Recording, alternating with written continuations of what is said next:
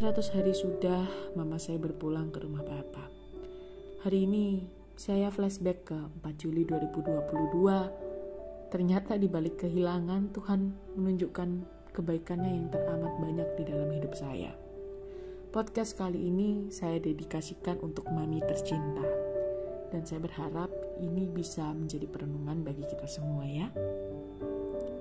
Sewaktu mama sakit, sangat banyak pihak yang mendukung Bahkan sampai mama dipanggil Tuhan pun banyak yang datang dari luar kota untuk mengenang mama dan memberikan dukungan kepada keluarga dalam berbagai bentuk. Saya belajar bahwa manusia diciptakan untuk saling tolong-menolong. Dan perbuatan baik yang kita lakukan selama hidup tentunya akan berdampak bagi banyak orang. Momen kedua, di hari terakhir Tuhan seakan sudah memberikan tanda kutip tanda lewat hal kecil yang saya alami. Tanda pertama terjadi di tengah lamunan saya, tiba-tiba terucap kalimat, Maafkan semua kesalahan mami, terima kasih sudah datang. Saat itu saya sangat kaget. Tentunya saya spontan menolak dan beranggapan bahwa mama hanya tidur.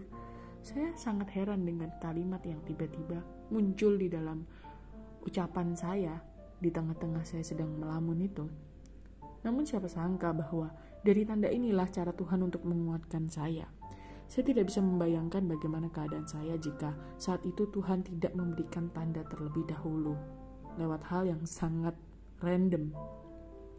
Dan di hari yang sama, Tuhan kirimkan tanda pada saya lewat lagu yang saya dengarkan berjudul Pemilik Hidupku. Saya diingatkan bahwa apa pun yang terjadi dalam hidup ini, ada rencana yang terbaik yang sudah Tuhan persiapkan. Karena dialah pemilik hidup kita, dia tahu yang terbaik.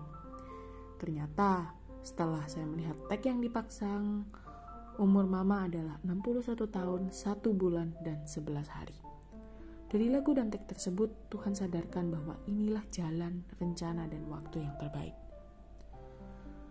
Kebaikan Tuhan keempat yang saya alami adalah entah dari mana tahu beritanya, tiba-tiba seorang teman online dari daerah lain yang belum pernah saya temui secara fisik mengontak dan turut berbelasungkawa saya disadarkan bahwa ternyata Tuhan punya seribu satu cara untuk menguatkan manusia, bahkan sampai hal yang tidak terduga sekalipun. Lalu, ketika saya menelpon seorang teman mama, saya justru mengatakan, "Semangat, tante yang kuat ya." Entah dari mana saya bisa punya kekuatan untuk spontan mengatakan hal itu. Pastinya dari Tuhan ya, karena saat itu dunia saya sedang hancur. Tidak hanya itu, Tuhan juga nyatakan kebaikannya lewat pemilihan foto yang tercetak di frame. Seseorang mengingatkan saya untuk memilih foto mama saat saya wisuda. Momen yang sederhana, pemotretan yang dilakukan di rumah. Ternyata justru foto ini bisa menjadi sesuatu yang sangat amat berharga. Lebih dari hanya sekedar foto wisuda. Saya diingatkan bahwa terkadang manusia sering meremehkan momen yang sederhana, tanpa sadar kalau hal tersebut bisa menjadi sesuatu yang luar biasa dan sangat berharga. Lalu kebaikan Tuhan selanjutnya yang saya rasakan terjadi saat saya menelpon seorang teman. Saya bisa mengeluarkan dark jokes yang berhubungan dengan keadaan saya saat itu. Di sinilah cara Tuhan untuk perlahan mengajak saya belajar untuk menerima keadaan Sekalipun memang tidak bisa dipungkiri bahwa saya pun masih sering menangis dan merindukan mama. Selain itu, suatu hari di rumah duka, saya diberikan kesempatan untuk memberikan speech dan menyanyikan lagu favorit mama di akhir misa yang berjudul Hidup Ini Adalah Kesempatan. Saya diingatkan bahwa hidup ini harus jadi berkat. Dan sampai detik ini, jujur saya masih tidak menyangka bahwa saya bisa melakukan kedua hal ini dengan lancar dan saya yakin bahwa ini juga karena pertolongan dan kekuatan dari Tuhan. Lalu, kebaikan Tuhan terakhir yang saya alami dalam proses kehilangan ini yaitu berbagai rangkaian acara berjalan dengan sangat lancar. Perjalanan darat dari Surabaya untuk Pelarungan, lalu peringatan tujuh hari dan 40 hari, ada di dalam waktu yang mungkin menurut manusia merupakan tanggal baik dan Tuhan juga berikan cuaca yang cerah dan bulan purnama.